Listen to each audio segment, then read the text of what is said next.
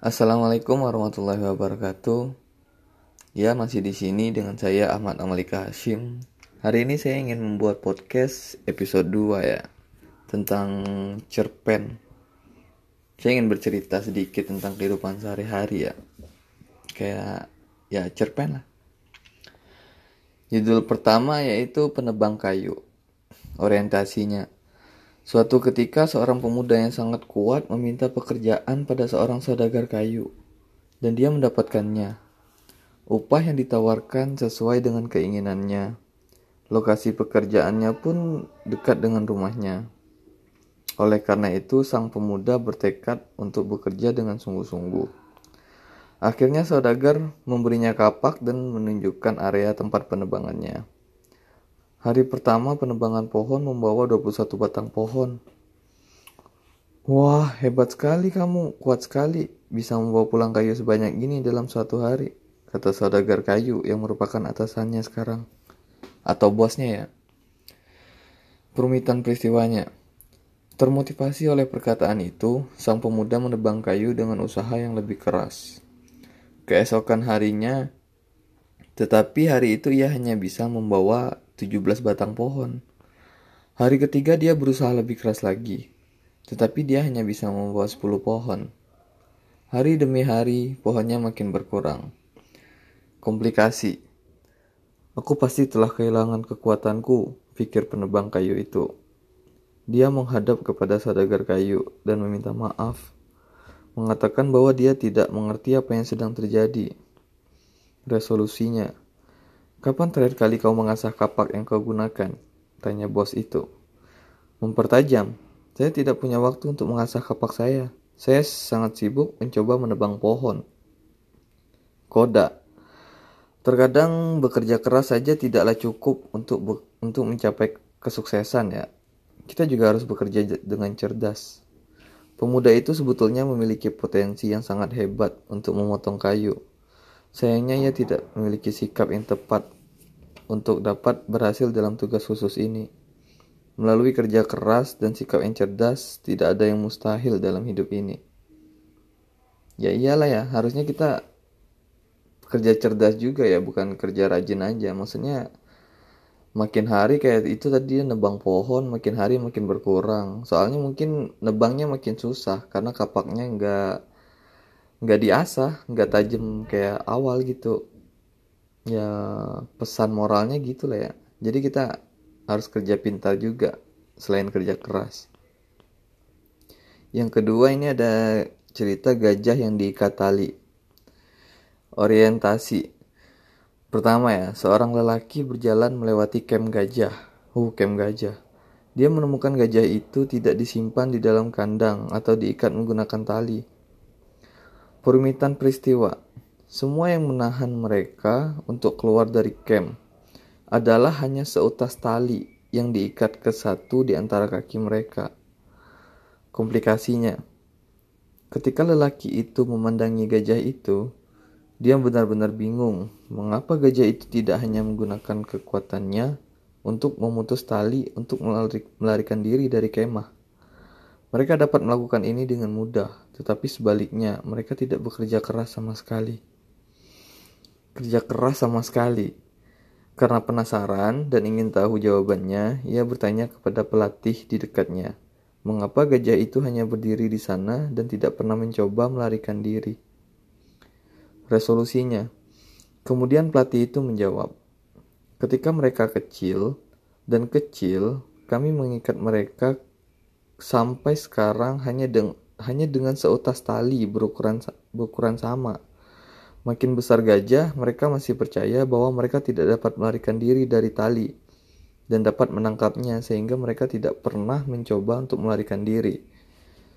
Satu-satunya alasan gajah tidak bisa melarikan diri dari camp adalah karena mereka pikir itu tidak mungkin terjadi seiring waktu.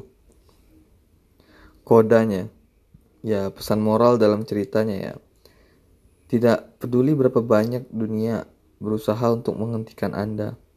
Selalu percaya bahwa apa yang ingin Anda capai adalah mungkin. Percaya bahwa Anda bisa sukses adalah langkah paling penting untuk mencapai kesuksesan. Iya pesan moralnya singkat gitu aja ya. Maksudnya gajahnya emang dari kecil dilatih hanya hanya gitu. Maksudnya dari kecil dia dia udah diikat seutas tali walaupun hanya seutas ya. Jadi dari kecil dia berpikir dia nggak bisa kabur gitu, nggak bisa lari dari camp gajahnya. Karena seiring berjalannya waktu mereka tetap digituin mulu. Jadi maksudnya nggak ada perubahan gitu. Mereka nggak maksudnya contoh kecilnya gini. Ibaratnya kalau lu main ya lu main hanya di sekitar satu pulau. Ya pengetahuan lu hanya hanya sebatas pulau itu hanya sebatas daerah itu kecuali kalau lu berani keluar ya. Lu berani keluar dan lu bakal dapat pengetahuan lebih ya. Iya maksudnya kayak kayak gitulah. Nih cerita yang ketiga nih. Yang terakhir. Gelandangan berhasil masuk Harvard dan dapat beasiswa. Wow orientasinya. Siapa yang tidak kenal Universitas Harvard Universitas Amerika yang terkenal ini telah menjadi impian yang dapat dipelajari kebanyakan orang di sini. Universitas Harvard adalah satu di antara universitas terbaik di dunia. Universitas ini terletak di Cambridge, Massachusetts, Amerika Serikat dan didirikan pada tahun 1636.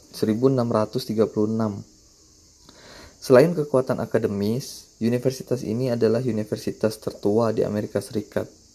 Tidak heran proses penerimaan penerimaan di Harvard sangat ketat.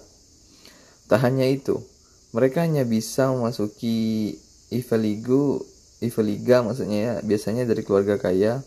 Ini tidak berarti bahwa siswa dengan latar belakang sederhana tidak dapat diterima. Oh masih bisa memasuki lewat Ivy Liga ya Ivy Liga sama seperti seorang remaja bernama Athena Capo Battaglia dari New York Amerika Serikat ia bahkan dapat memasuki Harvard dari keluarga yang bukan penduduk mereka tidak memiliki perumahan dan tempat tinggal.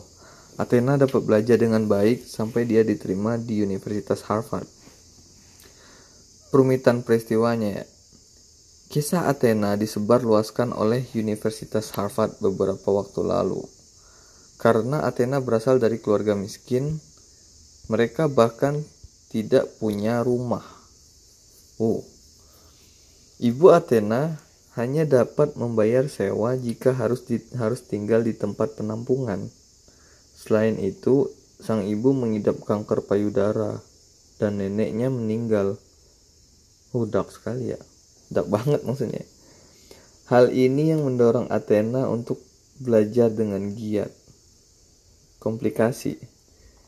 Saya merasa harus kuliah karena tempat ini bukan tempat yang saya inginkan. Saya berpikir ya ini cara saya keluar dan mungkin saya bisa menemukan pekerjaan yang baik di masa depan, kata Athena. Sebelum kehilangan rumahnya, Athena memang anak yang cerdas, yang sangat cerdas.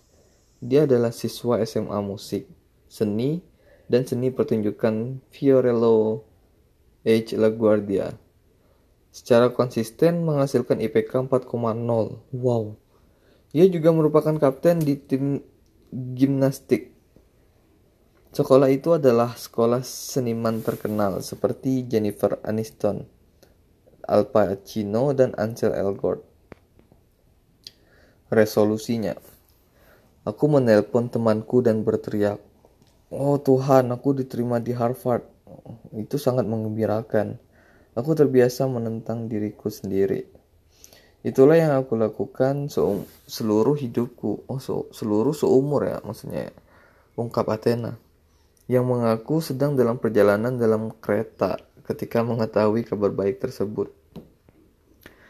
Tak hanya berprestasi di akademis, Athena mengikuti program NYPD atau New York City Police Department, di mana ia mendapat training untuk membantu menjaga keamanan lingkungan.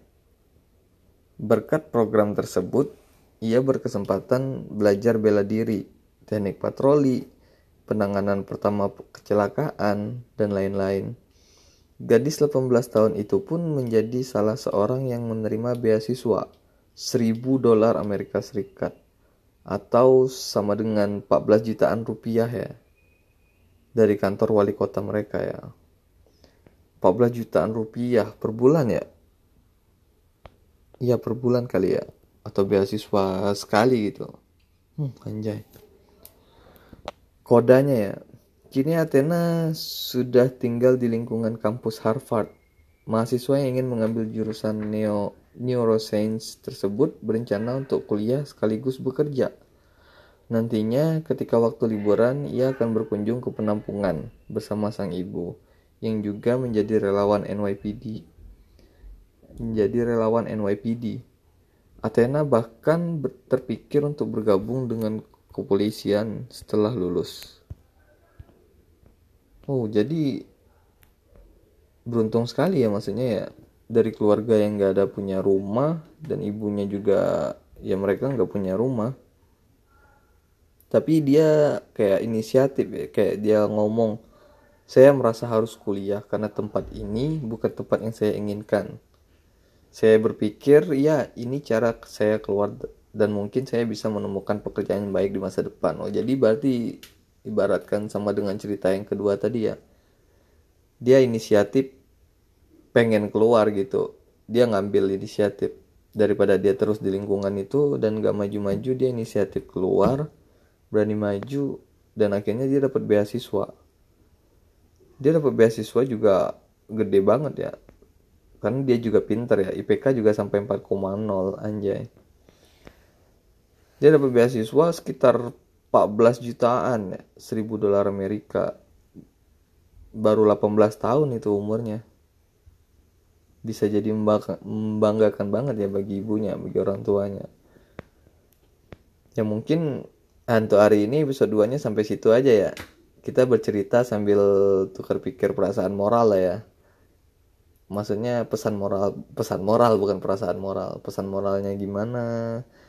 Kita ngambil untung ceritanya ini dari mana kan? Ibaratnya ya gitulah. Yang penting hari ini kita dapat ilmu lah dikit-dikit ya. Oke lah untuk hari ini kita sampai sini aja ya.